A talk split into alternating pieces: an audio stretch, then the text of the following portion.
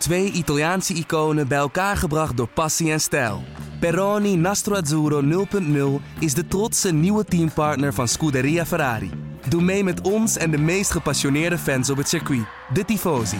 Samen volgen we het raceseizoen van 2024. Salute, Tifosi! Dit programma wordt mede mogelijk gemaakt door Toto.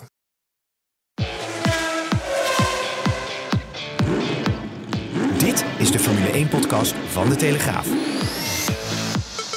Erik van Haren en Christian Albers praten hierbij over het belangrijkste Formule 1-nieuws. Ja, Chris. Leuk dat we er weer zijn. Uh, ben je een beetje bijgekomen van de Grand Prix van Australië? Je hebt ook versterking meegenomen trouwens. Ja, ik, uh, ik heb mijn zoon uh, vandaag bij me. Dat is een beetje zo'n vader- en zoondag. En het is hartstikke gezellig. Ze zijn een beetje leuke dingen aan het doen. En ehm, ja, helaas. Kijk, het is wel heel leuk die podcast op te nemen voor uh, al onze luisteraars. Maar met jou is het natuurlijk wat binnen. Dat begrijp je zelf ook wel natuurlijk. Ja, maar dat is heel wederzijds. We zijn, we zijn tot elkaar veroordeeld, zo is het dan. Altijd. Want, verder wil niemand met ons samenwerken. Nee, dus dit, dit doen we maar gewoon. Omdat we ons gewoon echt eenzaam vinden. Voelen. Huh? Ja. ja, nou ja, ik zit in Singapore. Dus er kost nog moeite worden gespaard hier. Ik, ga, ik kan straks nog lekker een vlucht van 13 uur tegemoet zien. Maar dat terzijde. Heb je steunkousen aan of niet? Beetje, voor, een beetje zo dat het nee, bloed nog een beetje kan circuleren in je benen. Ja, daar, daar heb ik niet zoveel last van. Nee, jij vliegt business class, dat was ik vergeten. Oh nee, first class vlieg nee, je altijd. He, dus ik kan je lang uitliggen, daar heb je er geen last van. Was het maar zo'n feest. Ik moest altijd economy.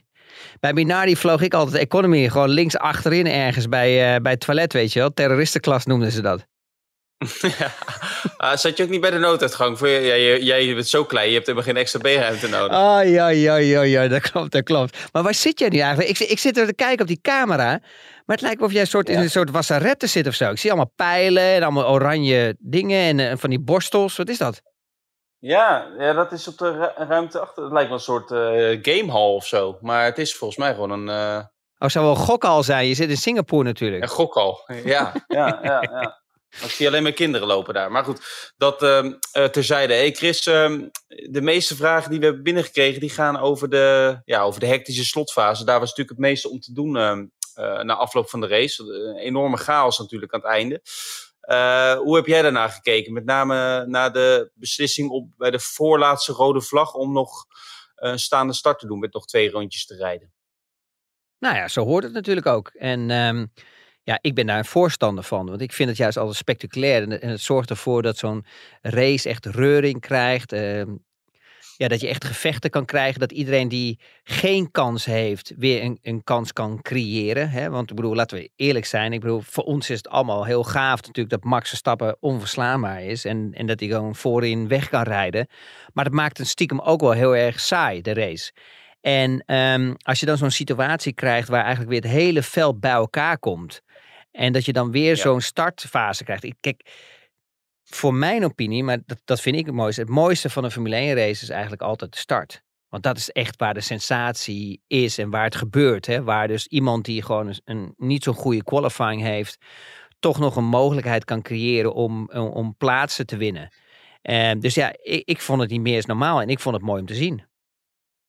Ja, ik kan me ook wel herinneren toen de eerste race in Jeddah twee jaar geleden. Toen uh, hadden we ook drie staande starts. Daar was jij ook uh, heel blij mee. En, en kijk, de teambazen moeten ook niet vergeten. Hebben we gewoon in de F1-commissies, in de F1-vergadering gezegd dat ze eigenlijk alles willen doen om niet achter safety car te eindigen. Een race. Dat gebeurde vorig jaar in Monza. Nou, hoeveel kritiek was daar wel niet op?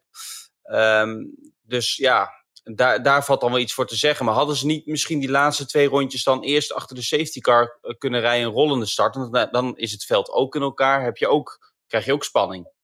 Nee, Alleen ja, dan heb je een rollende start. Maar dan, dan kun je die banden natuurlijk ook meer opwarmen. Daar, daar ging het natuurlijk om bij veel coureurs dat die banden zo koud waren dat je die, dat bowlingbaan uh, scenario kreeg wat we nu zagen.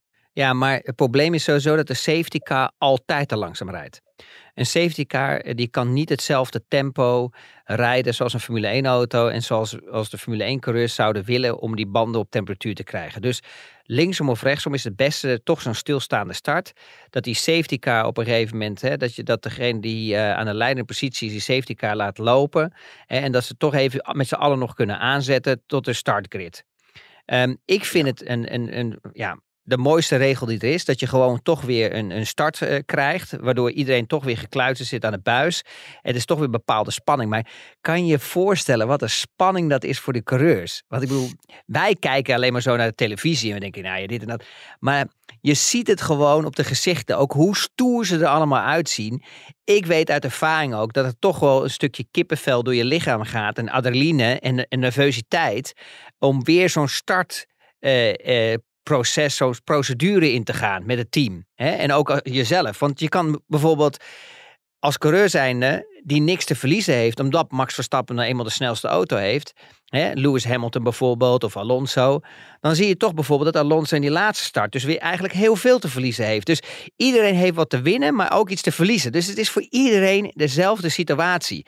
Ja, en ik vind het gewoon mooi om te zien. En, en natuurlijk uh, kan ik me voorstellen Um, dat sommigen ook van balen als je bepaalde crashes hebt en dat, dat, dat er een paar auto's uitvallen. Maar aan de andere kant, ja jongens, we zijn allemaal volwassen. Die mannen krijgen allemaal goed betaald. Hè. We, we, hebben het niet over een klasse Formule 4 of Formule 3 of Formule 2. Dit is serieus, uh, uh, serieus werk. Dit is Formule 1. Um, ehm, ja, daar moeten ze toch wel volwassen genoeg zijn om gewoon een startprocedure weer mee te kunnen doen. En gewoon te gaan vechten voor posities zonder elkaar in de wielen te rijden. Ja, en ik vind het in ieder geval super mooi. Ik, was, ik, ik ben er heel enthousiast over. Ja.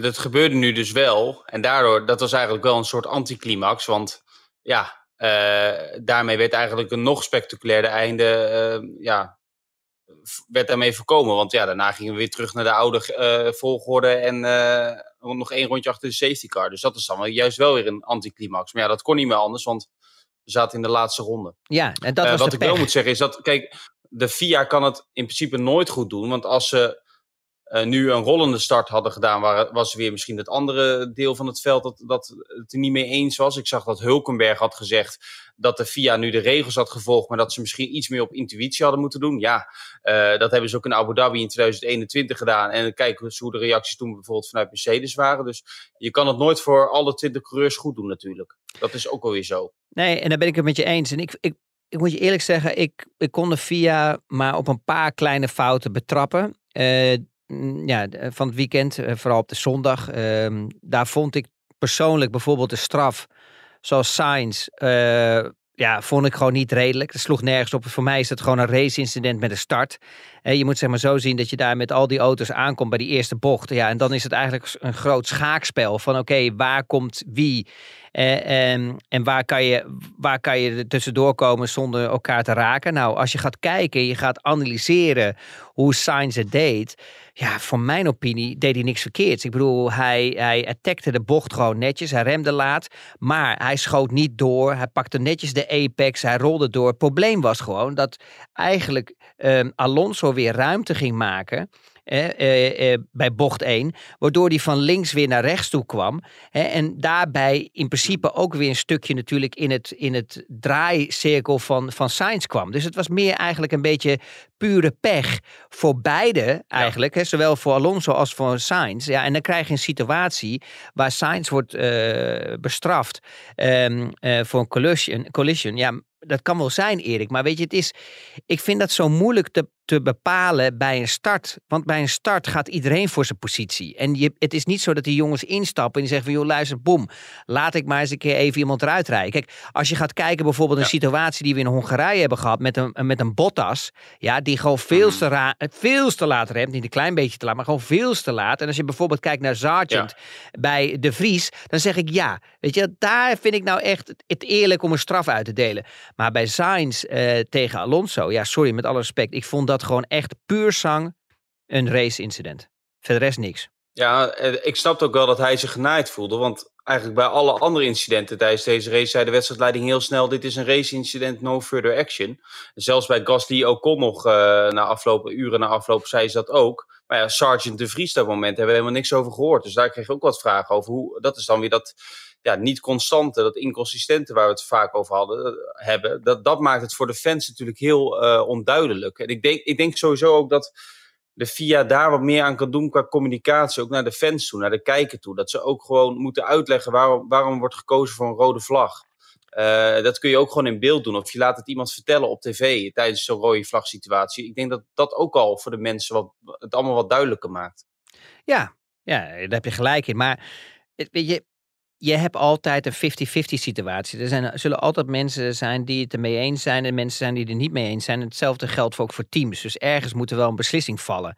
Um, alleen, zoals ik het uh, als analist uh, heb bekeken, ja, daar vond ik toch gewoon duidelijk dat Sainz tot totaal geen. Weet je, er was niet eens een geblokkeerd wiel. Er was helemaal niks. Hij liet hem mooi erin lopen. En, aan, je zag aan de, aan de grip level dat het genoeg was voor hem. Weet je, dat hij niet te hard erin ging. Dus hij kon makkelijk er doorheen rollen. Maar als er op een gegeven moment als een verrassing weer een Alonso die eigenlijk te diep erin duikt, ja, dan weer terugkomt. En dan is het reglement natuurlijk ook zo krom als een hoepel. Want het is natuurlijk wie het eerste bij de apex komt en wie de eerste bij de bocht komt, ja, die heeft voorrang. Maar wat gebeurt er nou als iemand gewoon rechtdoor rijdt en die komt nou weer het squee op? Maar dan was hij wel als eerste bij de apex. Dus weet je, dus het reglement is natuurlijk ook zo moeilijk om te maken. En daar moet je ergens een middenweg zien te vinden. En, en dat was het probleem. Op een gegeven moment kwam Alonso natuurlijk weer van rechts, uh, van, van de linkerhoek van Sainz. Ja, en dan kan je niet meer zeggen van, joh, luister, ik lift helemaal gelijk. Dan ben je al te laat. Dan zit je al met je linker voorwiel in het rechte achterwiel van, uh, van Alonso.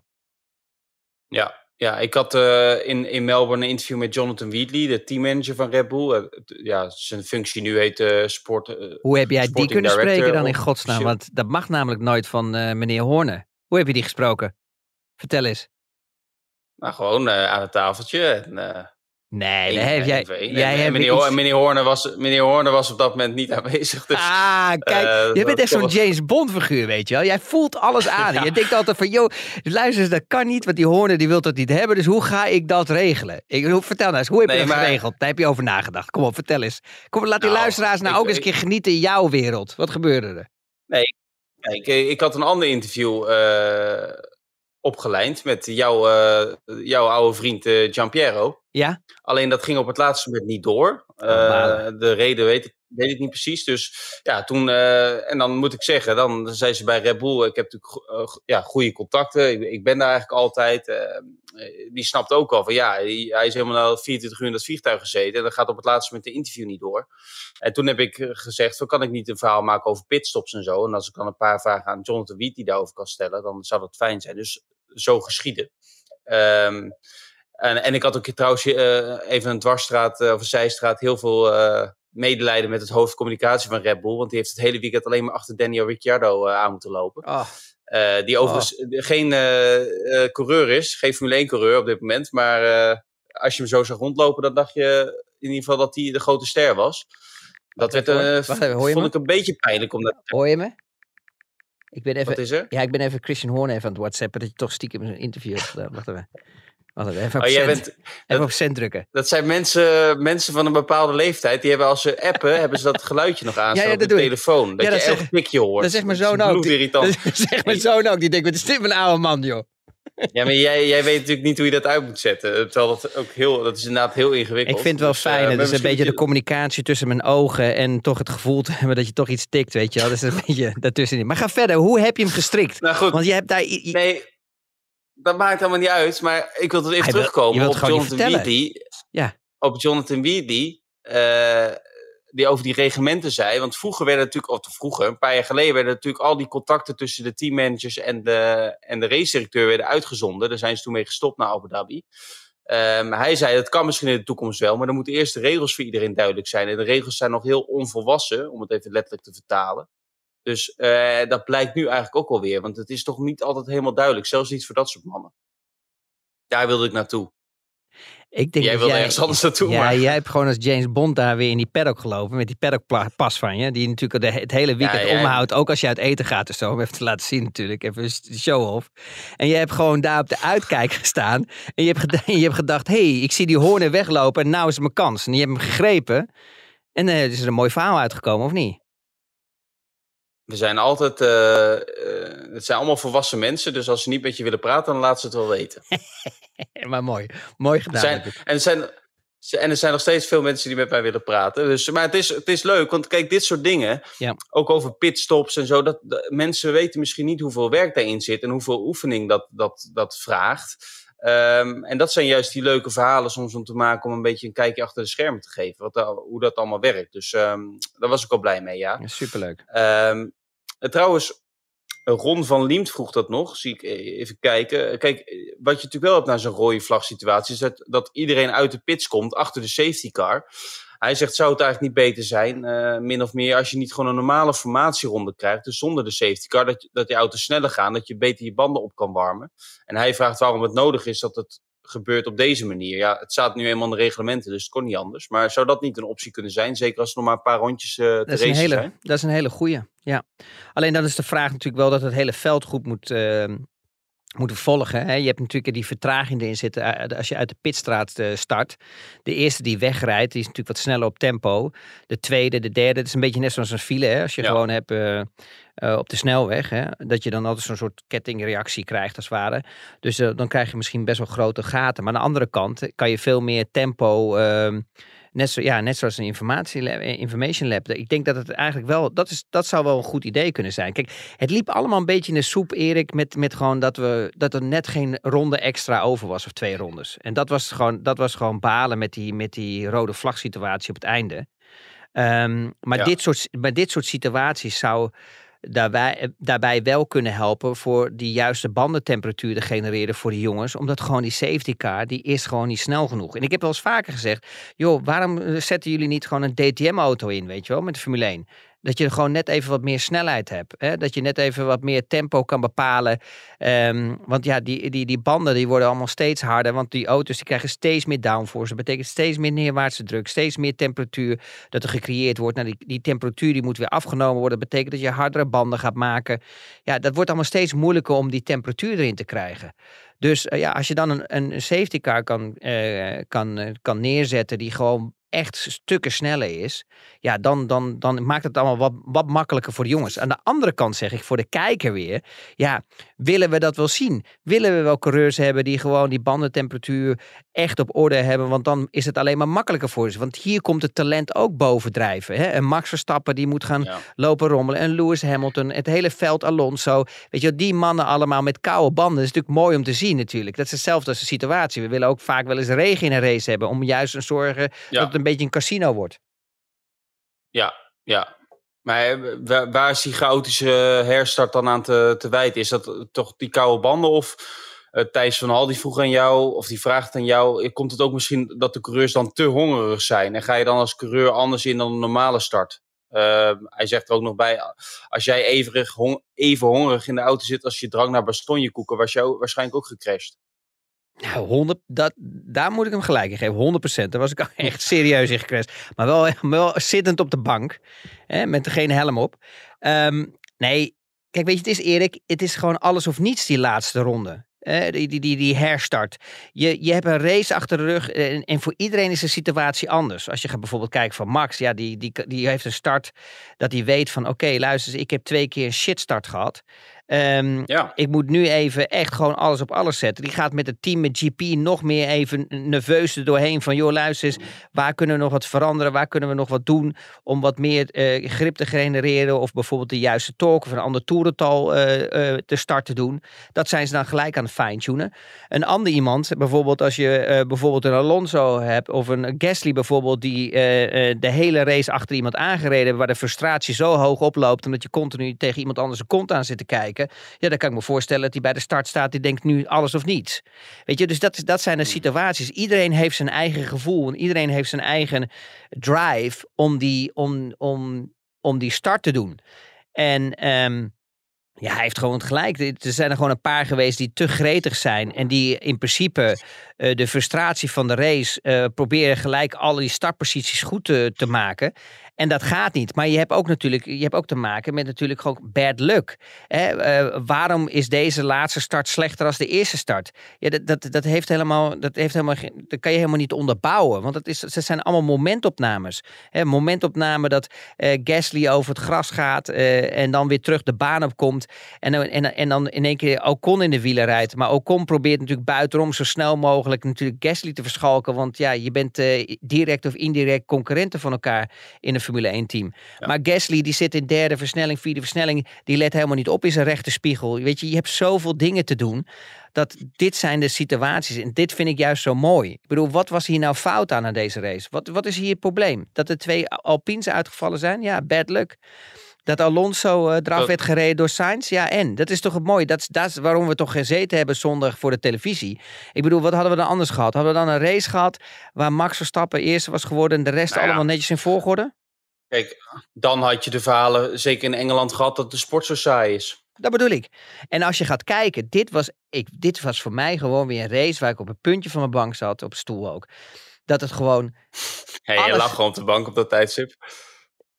ja dat klopt ja, aan de linkerkant op mijn heupje. Ja. Ehm, met een kop thee erbij. die, die hadden we zo. Ehm, en maar dit was wel weer een race wat heel belangrijk was om te zien waar iedereen stond. Want op een gegeven moment ehm, ging iedereen naar dat harde compound en was het eigenlijk de race uit te rijden op, op, op de harde compound. En dan ga Ja, je zien alleen van- manager. Ja. en dan ga je zien waar iedereen was. En dan, en dan zie je pas hoe zonde het was bijvoorbeeld dat Leclerc een fout maakte bij Stroll, dat hij gewoon veel te vroeg instuurde. Want als je gaat kijken naar de performance van Sainz, ja, deed Sainz het hartstikke, hartstikke goed. En we weten allemaal dat Leclerc nou eenmaal in toch één leveltje, één tikje beter is dan Sainz. Dus Sainz zijn, zijn, zijn, zijn longruns, bijvoorbeeld in de race, was echt niet slecht. Was echt goed. Hè, natuurlijk zat er wel een beetje een gat, maar het was niet verkeerd. Als je gaat kijken bijvoorbeeld naar Stroll, ja, ja, die had weer weer geluk bij deze situaties. Want die liet het best wel liggen, eh, vergelijkbaar met Alonso. En zo zag je bepaalde Ja. teams eigenlijk door die race heen gaan, waar je echt kon zien ehm, de juiste potentie van de auto's. Want als je bijvoorbeeld keek bij de McLaren's, je ziet gewoon, ja, iedereen zit maar te zeuren en James Key wordt weggestuurd en al dingen. Maar laten we even niet vergeten dat Andreas Seidel was de man. Was de hype, was de trend. Ja maar, ja, maar dat is toch zo, Dat Erik? heb je nu al vijf keer gezegd. Ja, nee, oké, maar ik bedoel... Ja- en jij bent natuurlijk wel voorzitter van de James Key fanclub, maar 100 procent, eh, maar 100 ehm, procent. maar, die, maar die had natuurlijk wel eh, alles voor het zeggen bij het team. En je ziet nu, kijk, en Ja. nu is Seidel weg, maar je hebt, je hebt dan nog steeds eigenlijk de, de, de, de, ja, de invloed gehad van, van hem bij eh, McLaren. En ehm, dan zie je nu bijvoorbeeld, als je gaat kijken naar, naar de McLaren, oké. Kwalificatieperformance is niet daar. Maar als je gaat kijken bijvoorbeeld naar de, naar de longruns, waren Ja. ze nou niet zo slecht. Ze waren beter als de hazen. Maar ze komen er gewoon niet doorheen met die qualifying. Ze hebben het daar gewoon nog niet voor elkaar. Maar longruns was wel redelijk goed. Ja, zeker. Norris en Piastri allebei in de punten. Ehm, misschien de slemiel van het weekend eh, of van de week, misschien eh Checo Perez. Tja. Kijk, je ziet gewoon het verschil. Kijk, en, en ja, weet je, ik word gewoon een beetje moedeloos soms van dat. Als ik, als ik vandaag of morgen Checo's manager was geweest, had ik gezegd tegen Checo: luister, Checo. Zeg gewoon dat je gewoon keihard aan het werk bent. Dat je eh, kijkt naar Max, hoe hij de auto bereidt, hoe, hoe ik het doe. Kijk of je daarvan kan eh, leren en, en continu elk weekend proberen te verbeteren. En als Max, weet je wel, echt als een soort werktalent neer te zetten. Maar wat doet Perez, eh, wat doet, Ja. wat doet Checo eh, eh, tegenovergesteld? Die gaat gewoon elke week zeggen in Mexico dat hij wereldkampioen gaat worden. Ja, weet je, dat gaat hem gewoon niet worden. En het gaat hem echt, dat gaat hem nooit worden zolang, zolang Max Verstappen nog daar is. Want ook al ligt de auto Max Verstappen niet, is het gewoon meer een natuurtalent. En die is gewoon sneller en dat moet hij gewoon eens een keer accepteren. Ja, maar dat, je bent het helemaal met je eens. Kijk, hij had gewoon na die race in Jeddah, hij had donderdag in Melbourne gewoon en vrijdag moeten zeggen van, eh, ja, eh, mooi die overwinning, maar ik moet nu constanter worden. Dat zei hij ook. Maar hij zei ook in één keer, eh, ja, Red Bull is jarenlang een, een, een, team geweest voor één auto, voor Verstappen dus eigenlijk. En ja, het was dat ze met twee auto's rondreden omdat het moest. Ja, dat zijn geen uitspraken waar je teamleiding blij mee is. Het is ook nergens voor nodig. En ook weer ehm, eh, zaterdag zei hij dat het de fout was van, eh, of dat het puur, eh legde hij de hele schuld bij het team en bij de auto, dat er een probleem was met de auto. Terwijl het team gewoon zegt dat is niet zo. En dat er in de data blijkbaar niks van te zien was. Dus ja, dat zijn natuurlijk niet echt handige uitspraken, ook richting, maar dat is een heel makkelijk- Horner en Marco. Maar Erik, daar is een heel makkelijk antwoord en een heel slim antwoord voor te bedenken. Aan de andere kant, we willen dit ook, want daardoor kunnen we hierover praten en zien we het verschil tussen coureurs. Maar als hij gewoon gezegd had, daar natuurlijk bij, de, bij dat vierkantje, bij de interviews, en had gezegd, joh luister eens, ehm, ja, ik, deze fout gebeurd, ik ben eraf gegaan, we moeten het analyseren met het team of ik een fout heb gemaakt of dat er misschien iets met de auto Ja. was. Klaar, punt uit. Dat is discussie. Maar Ja. omdat hij zich helemaal gaat positioneren van de nieuwe wereldkampioen van 2023, de- in ieder geval kans maken, kansmaker om in 2023 Ja. wereldkampioen te worden. ja, weet je, je sluit nooit wat uit in deze wereld. Hè, want uh, laten we hopen dat er niks ergens en dat Max gewoon lekker door kan gaan. Maar we weten allebei dat dat bijna onmogelijk is. Maar hij blijft, hij blijft maar, hij blijft, en, en, dat maakt het ook wel een beetje moeilijk. Hij blijft dat zo creëren, die hype. Of dat, uh, en dat maakt het soms ook gevaarlijk, want dat merk ik ook bij andere analisten, bijvoorbeeld, uh, die wat geschreven, en ook bij jou natuurlijk, hè, als je iets schrijft over Perez wat niet goed is, dat je dan gewoon al die Mexicanen over je heen gaat met bedreigingen, moordsbedreigingen, ga zo maar door allemaal. Maar ja, ja, het is gewoon... Hij, hij, kijk, het probleem is bij hem gewoon, los van zijn, dat is het belangrijkste, zijn kwaliteit als coureur, die hij zeker wel heeft, alleen hij zit niet op het niveau van Verstappen, wat ook geen schande is, alleen... het, het naar buiten uit, het praten met de media, dus ook met publiek. Eh, je merkt nu ook gewoon dat hij over Jeddah, dan heeft hij gewoon iets ingestudeerd. Hè? Iets, iets van zichzelf, voor zichzelf uh, geprogrammeerd van dit ga ik zeggen. En als je hem dan een beetje prikt, dan wordt hij een beetje hatelijk. Dan zegt hij van ja, jullie willen een verhaal maken. En ook op zaterdag en zondag in de mix zo naar de kwalificatie in de race was hij heel erg gepikeerd. Een beetje geprikkeld, wat, maar ook op een vervelende toon. Dat, dat maakt het niet echt, maakt hem niet sympathieker. Laat ik het... Uh, netjes houden. Ja, en, en we hebben dat al gezegd in Jeddah. Kijk, heel simpel. Hij ging ook aanzetten voor de snelste ronde. En hij maakte een fout en klaar, punt. En die is dodelijk. En, ja, dat, ont, maar dat, dat vroeg ik dus aan hem op donderdag. En dat ontkende die. En toen zei hij, keek hij me eraan. En zei hij van, ja, je wil een verhaal creëren. Terwijl ja, Horner had dat gewoon gezegd, notabene. Zo is het. Dus ja, dan denk joh, en het, nou tweede wat me, en het tweede wat me irriteert is heel simpel. Hij is zogenaamd de, de god of de, de stratencircuits.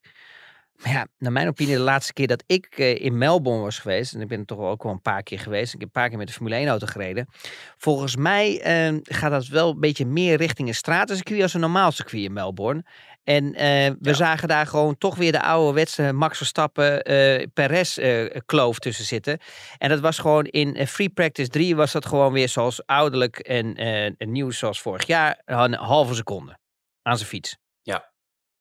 Ja, ja, Kaching. ja hij, uh, hij, hij, was zaterdag niet uh, erg gelukkig, laat ik het zo zeggen. Want uh, in Q3 ja, misschien moest hij wel gelukkig training heeft hij volgens mij. Misschien moest hij wel gelukkig zijn. Hey, Erik, misschien moest hij wel gelukkig zijn dat hij, dat hij die qualifying niet uit kon rijden. Want anders had hij gewoon nee. een half seconde aan zijn fiets gehad. Ja, hij werd uiteindelijk nog vijfde en reed de snelste ronde. Dus hij heeft de schade nog wel enigszins beperkt. Um, Wouter de Ruiter die vroeg, oh die vroeg, dat zie ik nu pas, uh, die vroeg nog iets over of het nou een technisch mankement of een rijdersfout was. En of ik dan het antwoord in het Spaans kon geven voor de Mexicaanse luisteraar. ik heb nu wel Wouters, na ik heb nu wel Wouters naam genoemd. Want hij zegt of je, of je de inzender van de vraag anoniem kan houden. Maar goed, dat is niet gelukt, Wouter. Geweldig.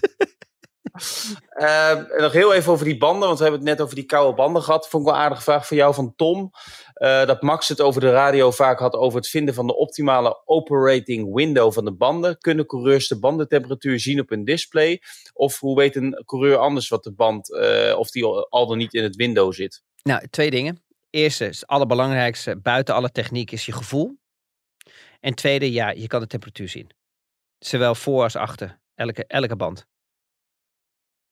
Dus ja, nou, je, je, dat is van jou doen, dan zie je duidelijk uh, ja. een korte, krachtig antwoord. Ja, ja. Nou ja het meeste is ja. natuurlijk eigenlijk het gevoel. Want, want ja, je merkt gewoon dat, dat je gewoon veel minder grip hebt. Je merkt dat aan die band, je gaat glijden, je gaat van alles.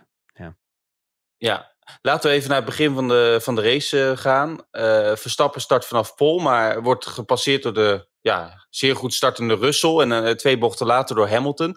Een actie waar Verstappen niet zo blij mee was. Maar goed, zagen we daar de, definitief de, de nieuwe Max Verstappen van 2023?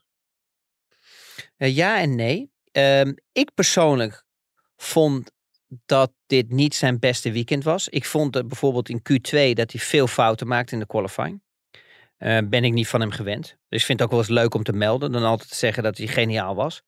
Um, hij was in zijn Q2, was hij, vond ik hem niet echt goed en niet sterk. Q1, ja, liet hij wel weer gewoon zien dat hij er was, dat hij er stond. Maar je ziet dan, dat hij dan toch geen robot is. Q3. ja, ja, Q3, sorry. Dat hij toch in Q2 wat fouten had gemaakt. Hè? Twee keer, want je hebt maar twee keer een outing. Um, ja. En dan in de race, ja, dat heeft echt te maken natuurlijk gewoon met de warming-up en met de startprocedure. Maar je zag dat hij daar, ja, hij zei op een gegeven moment, ja, en dat, en dat vond ik eigenlijk een beetje moeilijk om te accepteren. Want uh, ja, Max is Max.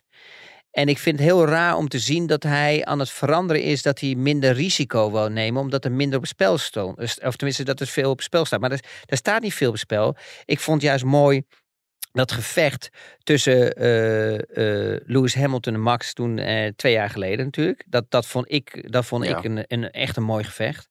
Um, en als je nu gaat kijken bijvoorbeeld dat hij heel voorzichtig deed bij de eerste, ja, de eerste bocht en, en, en ook de tweede bocht daarna en dat Lewis hem ertussen zette. Ja, ik vond dat hij daar te voorzichtig was. Want in principe heeft hij gewoon de beste auto van het veld. Uh, en zeker in de combinatie Max en, en, en Red Bull is hij dodelijk. Um, mm -hmm. Ja, en wat ik wel eens mooi vind om ook wel eens te melden, want het hoeft niet altijd alleen maar positief te zijn. Um, is dat je ziet nu dat je in de heat of the moment, dat bijvoorbeeld een Lewis Hamilton ernaast steekt, dat je eigenlijk dezelfde boordradio's krijgt van Max Verstappen, als zoals Lewis Hamilton twee jaar geleden deed. En dan krijg je op een gegeven moment, hè, ja. wij als Nederlanders, uh, grootste fanbase, en wij zijn e eenmaal, we hebben echt gewoon een fantastische uh, fanbase van, uh, van, van fans die achter een, een sporter staan. Um, maar als het andersom was geweest, dan was Lewis Hamilton natuurlijk weer helemaal compleet afgemaakt en, en, en zijn stoelpoten ja. eronder vandaan gezaagd. Ja, dan was een zeurpiet geweest. Ja, maar, maar kijk, het is ook daar, wat... daar, daar, moet je, daar moet je wel bij, aan, bij toevoegen. Wat jij zelf ook vaak hebt gezegd, is natuurlijk wel dat elke coureur dit doet. Juist. Uh, alleen dat wordt Juist. niet allemaal uitgezonden. Maar je kan Correct. elke boordradio van elke coureur, in welke situatie dan ook, degene die in dit, uh, de, deze situatie in de schoenen van Verstappen had gestaan, had hetzelfde gezegd. Of het nou 100%. Hamilton is, Norris, Leclerc, Sainz, maakt niet uit. Dat, dat doet elke coureur natuurlijk. Want je, je wil ook een beetje statement afgeven via je engineer naar de FIA. Naar de 100% Dus en, je dat- bent, en je bent continu aan het rekenen, Erik. En ik geef je ook helemaal gelijk. Je bent continu ben je bezig in zo'n race om informatie te geven aan de engineers. Maar het, het was gewoon mooi en opvallend om te zien, is dat je dan eh, toch in één keer een andere situatie gaat krijgen. Terwijl als we dat natuurlijk twee jaar geleden hadden gehad in een televisieprogramma of in een, een studio of eh, met journalisten, dan, dan was er natuurlijk, dan zie je maar Ja. hoeveel power er achter Max staat. Weet je wel, en hoe Ja, iedereen. is framing. Ja, ja. Dus, dus dat was gewoon wel mooi om te zien. En ik, ik moet je heel eerlijk zeggen, het was ook een beetje de heat of the moment. Maar ik vond ook niet echt Max eigen. Want Max heeft, ik ken hem meer van dat Nou hij ja, echt het is- lak aan het alles is heeft. natuurlijk, eh, Het is natuurlijk ook niet Max eigen dat hij eh, in duel zo eigenlijk aan de kant gaat tussen haakjes. Correct. Ehm, om, maar ja, kijk, ik, eigenlijk als neutrale fan, als neutrale kijker, zou het eigenlijk mooi zijn als, als zoals twee jaar geleden, als Verstappen een iets mindere auto heeft dan, dan zijn concurrent. Dat, Hè, dus zeker de tweede helft van het jaar met Hamilton. Toen Hamilton natuurlijk op een gegeven moment een veel betere auto had, eigenlijk. Ehm, alleen nu, ja, je kan je ook, ik kan er ook wel weer respect voor hebben. Dat je ondanks die school ook met, en met Jos. En dat je zo bent opgevoed. Dat je nu, nu je weet dat je zo'n dominante auto hebt. Dat je dus ook gelijk eh, in een split second eh, kan zeggen: Oké, ik pak hem daarna wel. Wat natuurlijk ook gebeurde. Want als je zag hoe, hoe snel die langs Hamilton ging, dat was natuurlijk niet normaal. Nee, geen neer. Ehm, dus ja, ik, eh, je- zegt van hij had daar eh, agressiever kunnen zijn. Dat zei hij zelf ook. Ik had misschien iets agressiever kunnen zijn. Alleen aan de andere kant, hij heeft daar veel te verliezen. Mercedes niet. Hij, Nou hij, ja, hij ben- denkt alleen maar niet- zonder, scha- zonder schade die eerste ronde doorkomen. En ik pak ze daarna wel. ja, ik- En Russell hoeft hij natuurlijk niet te pakken, want die had natuurlijk een beetje Ja, maar daar ben ik die, totaal eh, niet met je eens. Daar ben ik totaal niet met je eens. Want als je op de stoel gaat zitten, eh, Mercedes heeft superveel te verliezen. Maar Mercedes is vol in het gevecht met Aston Martin. En het is super belangrijk om zoveel mogelijk punten te scoren. En natuurlijk dat Russell Nee, maar Mercedes kan alleen track position winnen op dat moment, na de start. Daar, daar hebben zij als enige wat te winnen. En Verstappen niet. Want, die, want Mercedes weet als Verstappen nu weggaat, als hij de leiding houdt na de start, is hij weg. Ja, dus heb je- zij hebben minder te verliezen dan Verstappen. Daar, daar, daar heb je ook een punt. Maar ze hebben toch ook te verliezen natuurlijk als Verstappen in ze rijdt. Want ja, dan zijn ze er allebei uit. Ja, maar, Dus- ze, nee, ja, maar ze weten dat Verstappen niet in zich rijdt. Zoals Hamilton jarenlang, eh, of Verstappen jarenlang misschien wist dat Hamilton niet alle risico's zou nemen die hij zou nemen, omdat de situatie omgedraaid was. Ja, maar ik zie die twee toch ook nog wel. Die, die twee die deinzen niet terug voor elkaar, joh. En dat zag je ook. Nee, dat, dat zag dat zei Helmoet Marko de afgelopen ook. Er gebeurt altijd wel wat als die twee elkaar opzoeken. Dat Ja, en dat vond ik wel, weet je, en dat vind ik zo mooi, weet je, dat je, kijk, weet je, het probleem wat we nu hebben, we hebben het eh, Max kampioenschap en we hebben het Formule 1 kampioenschap. ja. Wa- Ja, Want dit, is, dit, is- dit, is- Ja. dit, dit zijn gewoon twee verschillende kampioenschappen. Je hebt gewoon een kampioenschap van Max, die rijdt gewoon weg, die rijdt pole position, het is allemaal klaar. Ja, is gewoon, en dat is gewoon voor ons zwaar, weet je wel, eh, met, de, met de hoofdletter. En, en, dan heb je, en dan heb je het Formule 1 kampioenschap. Ja, en dan gaat, dan gaat, ja, dan gaat gewoon echt alleen maar over Mercedes, Aston Martin, Ferrari. En dat veld zit mooi dicht bij elkaar. Kijk, en dan heb je nog eens een keer het geluk natuurlijk als natuurlijk uh, Perez een beetje verprutst, dan krijg je die situatie nog een beetje leuk door het seizoen heen van wie gaat voor uh, de tweede positie in het wereldkampioenschap. Hè, zoals we gehad hebben met Leclerc en zo. Ja, dan zal je wel zien dat hij het misschien weer niet voor elkaar bokst. En dat is, en dat is waar ik zeg van daar mist Max wel gewoon echt iemand naast hem die ook echt gas kan geven. En dat, dat vind ik soms wel jammer. Aan de andere kant geeft het ook heel veel rust aan Max. En denk ik dat je ook veel meer uit die coureur uh, kan... Uh, dat, je er veel meer, dat er veel meer uitkomt als dat hij zou kunnen. Ja, maar ik ben wel benieuwd als Perez nu uh, nog een paar van dit soort weekendjes heeft... en nog, nog een paar van die geintjes flikt in de media... dan je weet ook hoe ze bij Red Bull kunnen reageren op een gegeven moment. Ondanks dat hij natuurlijk nog een contact heeft, ook nog tot en met het einde van volgend jaar. Ja, en, maar wat vond jij nou van, uh, van Ricciardo dan? Want dit, dit, dit, dit, dit loopt echt, dit gaat helemaal, dit gaat helemaal fout dit. Nou, het leuke aan Ricciardo is, is dat hij zelf heeft gezegd dat hij altijd te veel deed bij de Australische Grand Prix. Dat hij uh, zich wilde focussen op racen. Um, het, het grappige is nu ook, zijn manager was er dan ook het hele weekend bij. Dat hij heel veel interviews nog, nou, dat kun je je bijna niet voorstellen, want je hebt hem voor elke camera gezien. Maar dat hij nog een aantal interviews heeft afgezegd. Ja, dat zegt hij. Uh, er was zelfs, uh, ik, begreep, nee, ik begreep zelfs dat er iemand van de New York Times, helemaal speciaal voor Ricciardo, al wel, dat weet ik ook niet, of helemaal speciaal voor een, iemand die niet rijdt naar Australië komt, maar oké. Okay. En dat hij dat interview nog had afgezegd, dat het uiteindelijk nog in een paar minuten ergens achteraf kon. Um, maar goed, dan denk je, het gaat, draaide wel allemaal om Ricciardo. En Red Bull werkte natuurlijk zelf ook wel aan mee. Maar dan moet je... Ik, kijk, hij krijgt er natuurlijk goed voor betaald. Dat is allemaal wel. Maar ik zou mezelf daar toch ook een beetje gênant bij voelen. Dat je, dat je zoveel in, in moet doen. En allemaal van die kunstjes moet flikken. Terwijl het eigenlijk zou moeten draaien om die twintig mannen op het asfalt. En niet ja. om jou. Ja, nou, ik, ik, zou me daar zelf een beetje opgelaten bij voelen. Maar ja, goed, 100%. dat is persoonlijk. Hè? Ja, ik ben het helemaal met je eens. Ik heb precies hetzelfde gevoel. Ik vind dat too much. En uh, weet je, het, is, het, het lijkt wel of ze zo snel mogelijk willen vergeten...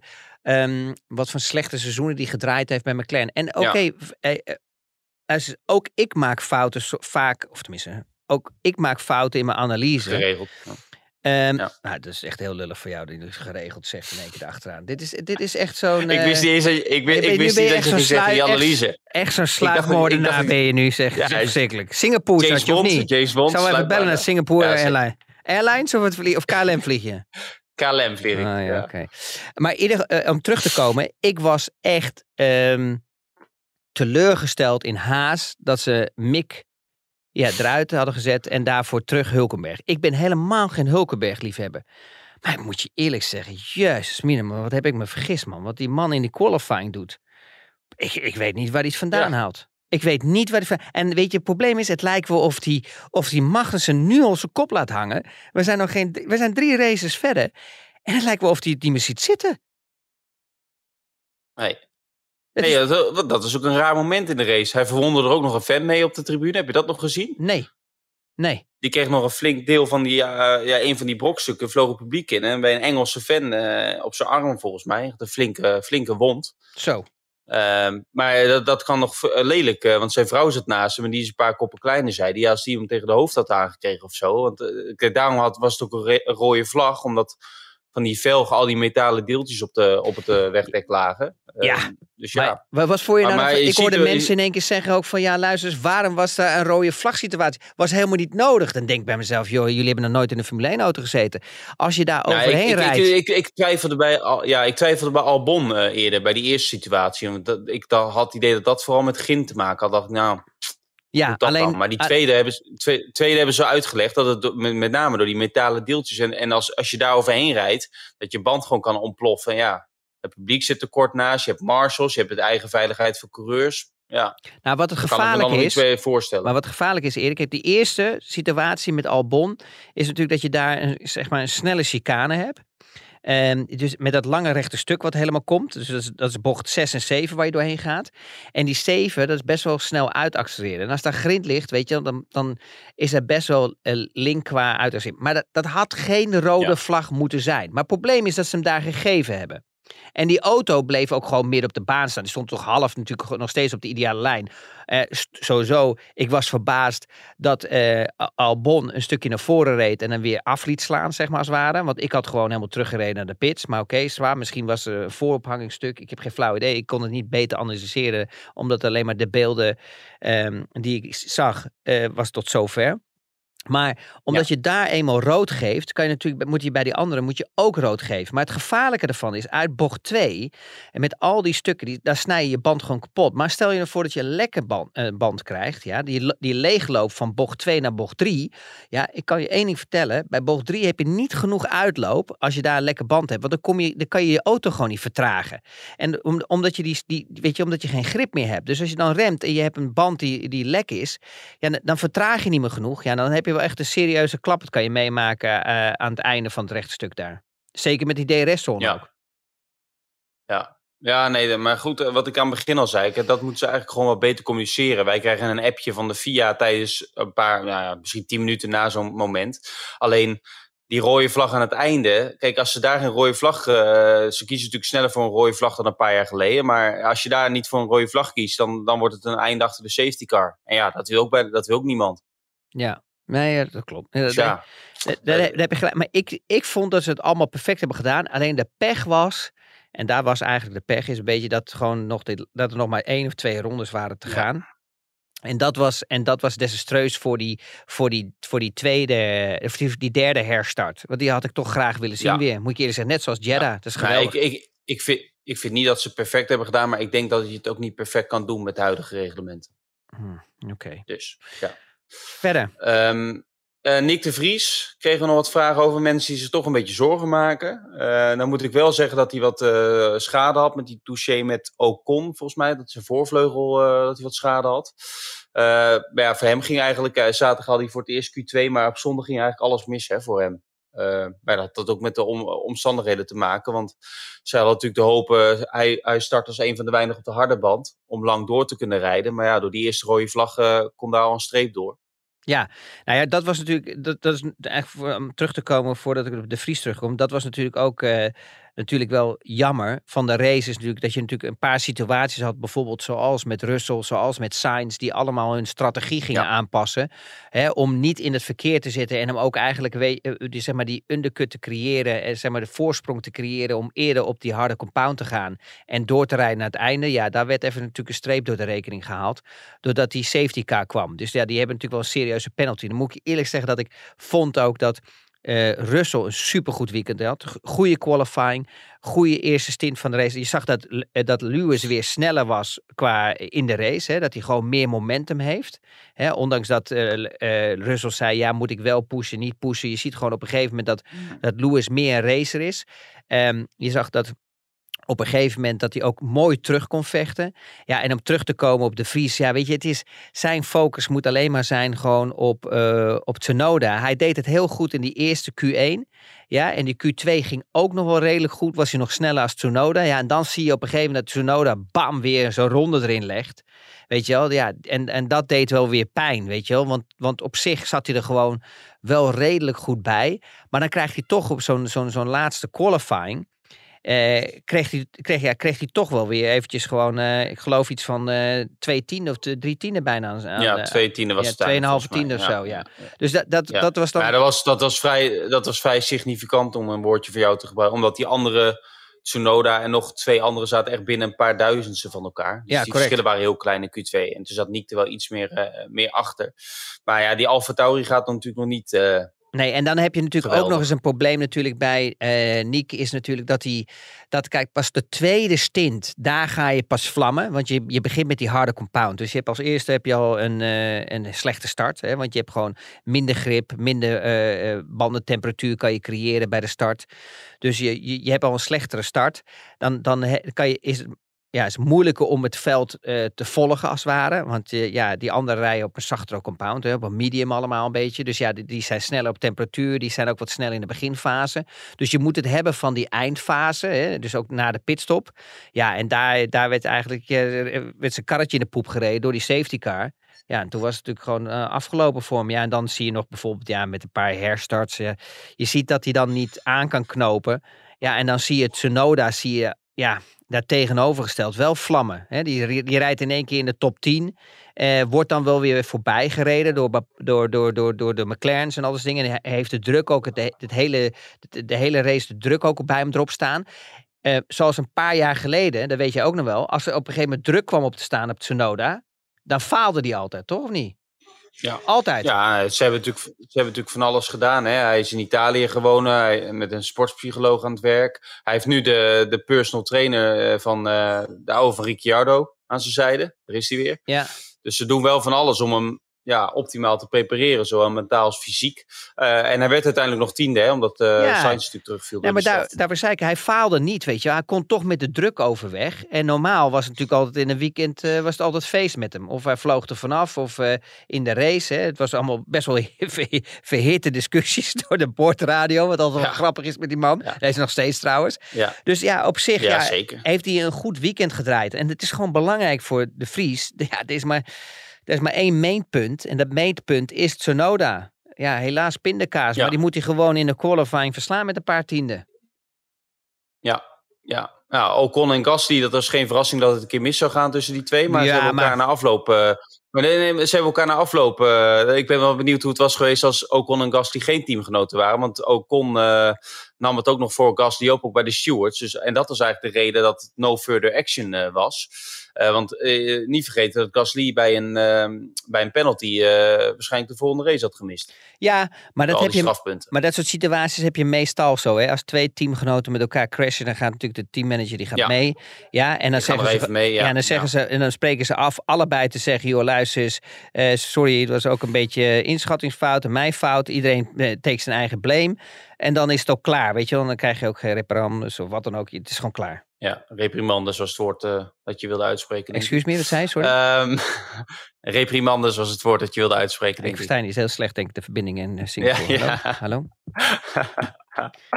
Nog heel even naar, de, naar, de, naar, het volgende weekend. Ja, dat is pas het laatste weekend van april. Um, dit eerste weekend uh, van dit jaar met de sprintrace. We krijgen dit jaar zes sprintraces, maar het hele format, of het hele format, een uh, flink deel van het format gaat op de schop. Heb je dat nog een beetje meegekregen of moet ik het nog een beetje uitleggen? Nee, leg hem maar eens even uit. Wat ze willen doen? Aan mij en de luisteraars. Nou ja, de Formule 1 wil dat en de teambazen zijn er ook mee akkoord. Dus het is eigenlijk nog, ja, de komende weken moet dat helemaal worden uitgeschreven en de FIA moet nog akkoord gaan. Maar normaal gesproken gaan we in Baku dan het nieuwe format in met op vrijdag één training en een kwalificatie zoals de normale opzet is. Maar dan is die kwalificatie niet voor de sprintrace, maar voor de zondagrace, dus voor de, voor de Grand Prix. Dus dan is de zaterdag sprintrace is een standalone event, dus een, een race op zichzelf. En daarvoor is dan op zaterdagochtend uh, nog een aparte kwalificatie. Cool. Hey, en qua punten?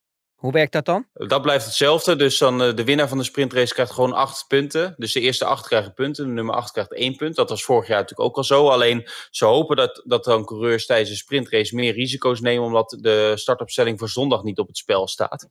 Um, uh, en de teambazen gingen voor dit scenario. Er was ook nog een ander plan. Dat ze die kwalificatie op zaterdag voor de sprintrace. Dat dat een shootout systeem uh, zou zijn. Met, dat elke coureur dan één ronde kan rijden. Dat heb jij ook nog meegemaakt volgens yeah. mij in 2005. Toen de Battenvier nog tegen de Incas vochten. Dat was 2005. Ja, was dat. ja precies. Heel lang precies, geleden. Precies. Heel lang. Ja, nou ja, weet u daar nog iets van? Uh, laat het vooral weten. um, maar um, uh, daar, daar zijn ze dus niet voor gegaan. En die, en die Q3, Q2, Q1 op zaterdag voor die sprintrace, die worden ook wat korter dan het huidige, dan het normale format op vrijdag. Uh, maar de, nou ja, voor, de, voor de duidelijkheid, dat is alleen maar de sprintweekenden zo. Er zijn er dus zes van. Maar ja, ja, ik vind het geweldig. Ik weet niet wat jij ervan vindt, maar ik vind het echt heel stoer klinken nu. Dus ik, ik weet zeker dat het gaat werken. Ja, weet je waarom? Weet je waarom ik het gaaf vind? Omdat, je, omdat er uh, uh, best wel grote verschillen zijn, in, uh, vooral voor Red Bull, voor die topteams. We hebben overal gezien in, in, in, in, de ervaring die we hebben gehad van vorig jaar, dat als je naar een weekend toe gaat waar weinig tracktime is op een vrijdag, is dat je een hele andere situatie gaat krijgen qua qualifying en qua performance en qua prestaties van, van laptimes. Ja. Dus je krijgt veel ja. meer een soort casino-effect. En dat kan het wel ja. eens een keer leuk maken, gewoon voor de voor, Ja, voor maar jij, jij hebt het nu de, jij hebt nu de over het casino effect. Maar ja, dat zijn, wel allemaal, het zijn allemaal hele gekunstelde maatregelen om, het, om de boel op te schudden. Ja, maar dat zou wel moeten. Want we willen niet van die races hebben waar, gewoon, dat we al van tevoren weten, voordat het weekend begint, hoe, wat het gaat worden. En dat is nu wel het Ja. geval. Het probleem is dat Ja, het maar gat te eh, groot is. eh, dan- dan zou je, ja, maar dat komt omdat er één team te goed is. Maar ja, dan, Ja. dat is toch niet de schuld van dat team? Nee, eh, helemaal niet. Maar aan de andere kant, we zijn pas in race 3. En de vraag is natuurlijk ook, en, en dat begrijp ik ook wel, van de, de Ja. FOM, is hoe kan je je, je kijker blijven triggeren eh, om het seizoen te blijven Ja. kijken? Hij- ik, denk, ik denk dat deze regelwijziging, eh formatwijziging, niet eens zozeer door de dominantie van Red Bull komt. Hier hebben ze natuurlijk al eerder over gehad, ook vorig jaar al. Eh, en dat is meer gewoon dat ze die sprintraces heel interessant vinden bij de Formule 1. En dat, dat komt meer door het feit dat, dat er bij een aantal weekenden ze het moeilijk vinden om op vrijdag de tribunes te vullen. Ja. Op, in, in Australië of in Zandvoort of zo niet natuurlijk, maar in, in, nou, plekken zoals Baku of eh, Ja. het Midden-Oosten. Ja. Eh, en hetzelfde geldt voor de tv-kijker. En weet je wie er heel veel meer naar sprintraces kijken dan naar trainingen? Of kwalificaties? Vrouwen. Precies. Dus ze kijken heel erg naar data. Dus ze kijken heel erg eh, naar de huidige tijd en eh, de jongere generatie. En ook vrouwen die ze dan willen aantrekken eh, om te kijken. Dus, die eh, keken nooit in ja, mijn en, tijd. En, eh, In mijn tijd keken leuke- nooit de vrouwen. nee, precies. Dat maar, merk ik ook als ik over straat loop. Toen kijk ook nooit de vrouwen. Nooit. Nee, zou het daar liggen? Ja, Ja. Ehm, maar eh, wat wil ik nog zeggen? Het leuke was trouwens nog even over Christian Horner, Ja. eh, vriend van de show. Die zei dus, vrij, die zei dus vrijdag in de persconferentie bij de, eh, bij de FOM, hij zat in de, of, de VIA persconferentie, dat hij het een belachelijk eh, vond dat de sprintrace in Baku is. Omdat daar de kans op crashes heel groot is en je hebt natuurlijk de budget cap. Alleen ik hoorde dus later van iemand bij de FOM dat diezelfde Christian Horner in de F1 Commission, dus de overleggen met de teambazen, gewoon heeft gezegd eerder dat hij het prima vond dat er in Baku een Ja, sprintrace was. Dus is- is echt ik denk dat dit ook een beetje doet om zijn coureur. Hè? Want Verstappen is natuurlijk een fel tegenstander van sprintraces. Om die ook een beetje te pleasen voor de bühne. Maar ja, eh, waarom is Max wel, er tegen? Als je, omdat, en, en ik ben ook, ik vind, ik, ik kan Max er wel een gelijk in geven. Ook als je afgelopen weekend ziet, die kwalificatie was geweldig. Hè? Door, de, door de omstandigheden en er werd veel gereden. En dan ligt het, ligt het heel dicht bij elkaar. Ehm, ik, ik vind een kwalificatie op volgens het huidige format ook geweldig. En ik heb ook tegen de Formule 1 eh, gezegd eh, toen ik er zaterdag zat. Ja, dit weekend in Australië, volgens het traditionele format, is het drukst bezochte Formule 1 weekend ooit geweest. Met 444.000 fans. Dus waar, ja, ik denk dat heel veel mensen het ook prima vinden op deze manier. Ja, ik, zie, ik merk hier wel wat in. Er zijn hier twee grootverdieners. Dat is meneer Verharen bij de Telegraaf en Max Verstappen bij Red Bull die betaald wordt. En die willen gewoon allebei niet werken. Dat, dat voel ik een beetje hier zo. Nee, nou, eh, kijk jij nou eens alle het- sprintraces terug. Nou, ik En vond je zegt net dat, dat, dat Red Bull. Je zegt net dat Red Bull zo dominant is. Ja. Denk je dat het een leuke sprintrace wordt in Baku? Nou, dat denk ik wel. Ja.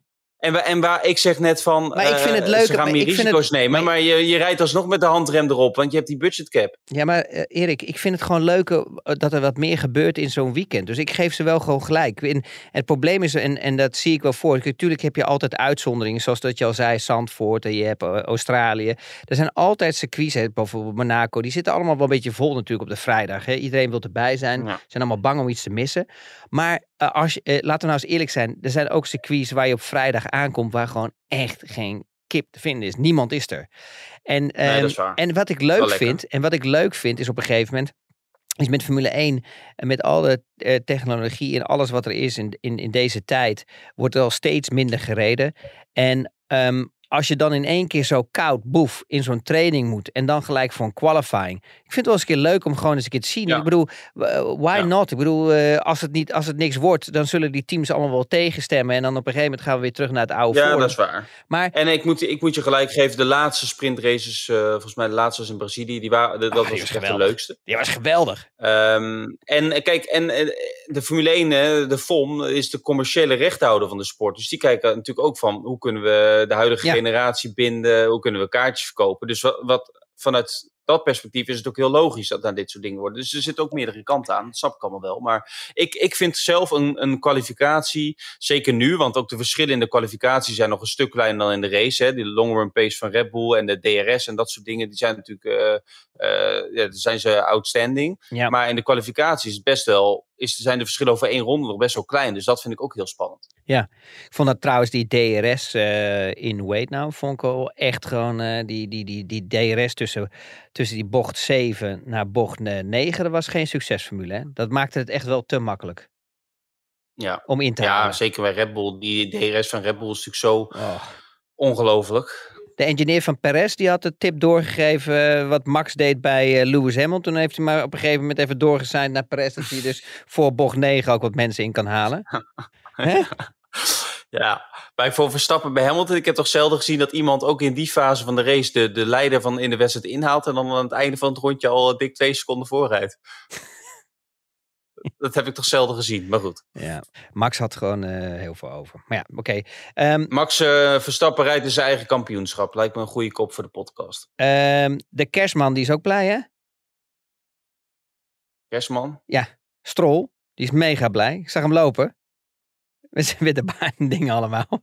Vind je dat niet? Oh, ik, dat heb helemaal nee, dat je bent er niet wakker. Ja, je hebt niet dan geslapen wel. Nee, Nee, maar- nee, ik wil even Danny Ricciardo op mijn netvlies staan. Dus. Nee, maar eh, die, die, die, eh, meneer Strol die is echt wel blij natuurlijk. Als je er gaat kijken, tweede en derde. Of sorry, derde en vierde. Is natuurlijk maximaal eh, ja, gescoord. maar dat is... En, en zoveel in Melbourne, in mijn, ja, in mijn hotel, maar ook op het vliegveld. er Zoveel Aston Martin fans. Niet normaal, hè? Allemaal in die shirtjes. Niet normaal. Echt ja. ongelooflijk. Maar weet je, er komt, het Ja. is ook nieuw, Erik. Weet je wel, het is een nieuwe kleur. En sowieso is donkergroen de laatste twee, drie jaar best wel eh, een trend. Hè? Dus, Ja. eh, dus, eh, en als je het ziet, die shirtjes. Nee, maar, nee, maar, maar zonder gekheid. Als je die shirtjes ziet. Het, is, het zijn mooie outfits. Het is net niet heel erg schreeuwend. Het is toch nog, weet je wel, dat je, dat je, dat je iets met Formule 1 hebt. Maar je kan het wel, je, je zou nog een beetje in een restaurant ermee kunnen zitten. Met, met Red Bull zie je, dan ja, ja, ja. Maar je moet wel dan alleen het shirtje aan. Want het team heeft dan ook nog de hele groene broek. En dan ook nog groene schoenen. Dat vind ik een beetje too much.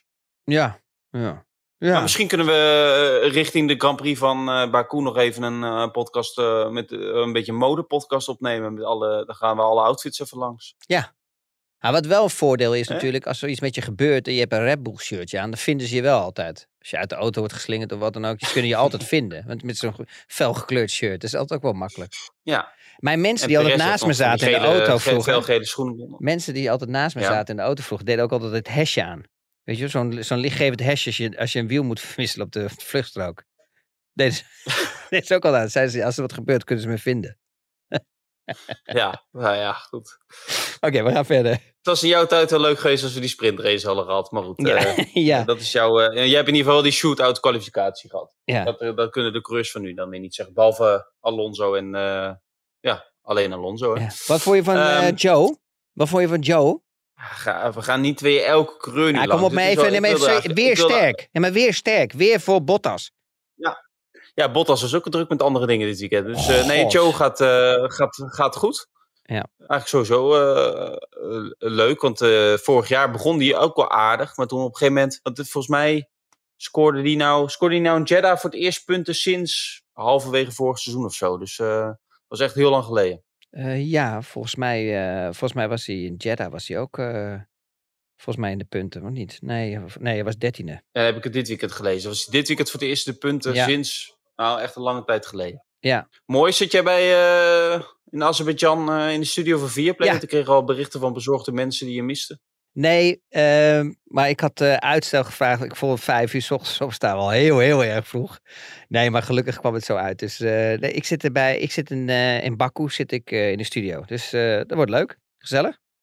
Nou ja, ik zou jou niet lang ophouden, want je bent met je zoon en die wil ook nog een leuke dag hebben misschien. eh, dit oeverloze gelul te luisteren. We hebben denk ik de, een podcast ge- nog ten, ten slotte. Pot, we hebben niet gevloekt, want ik kreeg een, eh Ja, ik heb één keer, de, recensie op de, het- op, op de één keer S, ge- eh, volgens mij. S. Ja, S-H-I-T. In Welk het S? Engels. Ja, is dat S. vloeken? Ja, maar ja, weet ik niet. Dat ligt er natuurlijk Nee, kreeg, eh, we kregen een recensie die wel vijf sterren gaf. Dus bedankt daarvoor. Maar die zei dat we Dank u. moesten stoppen met vloeken. Ik neem aan dat hij dan op jou doelde. Want ik kan me niet herinneren dat ik dat heb gedaan. Dat ben maar- ik alleen maar. Ik, ik eh, vloek Ja. ook echt veel te veel. Dat is ook niet goed, moet je Ja. zeggen. Maar ik, ik probeer het te minderen, maar het is niet makkelijk.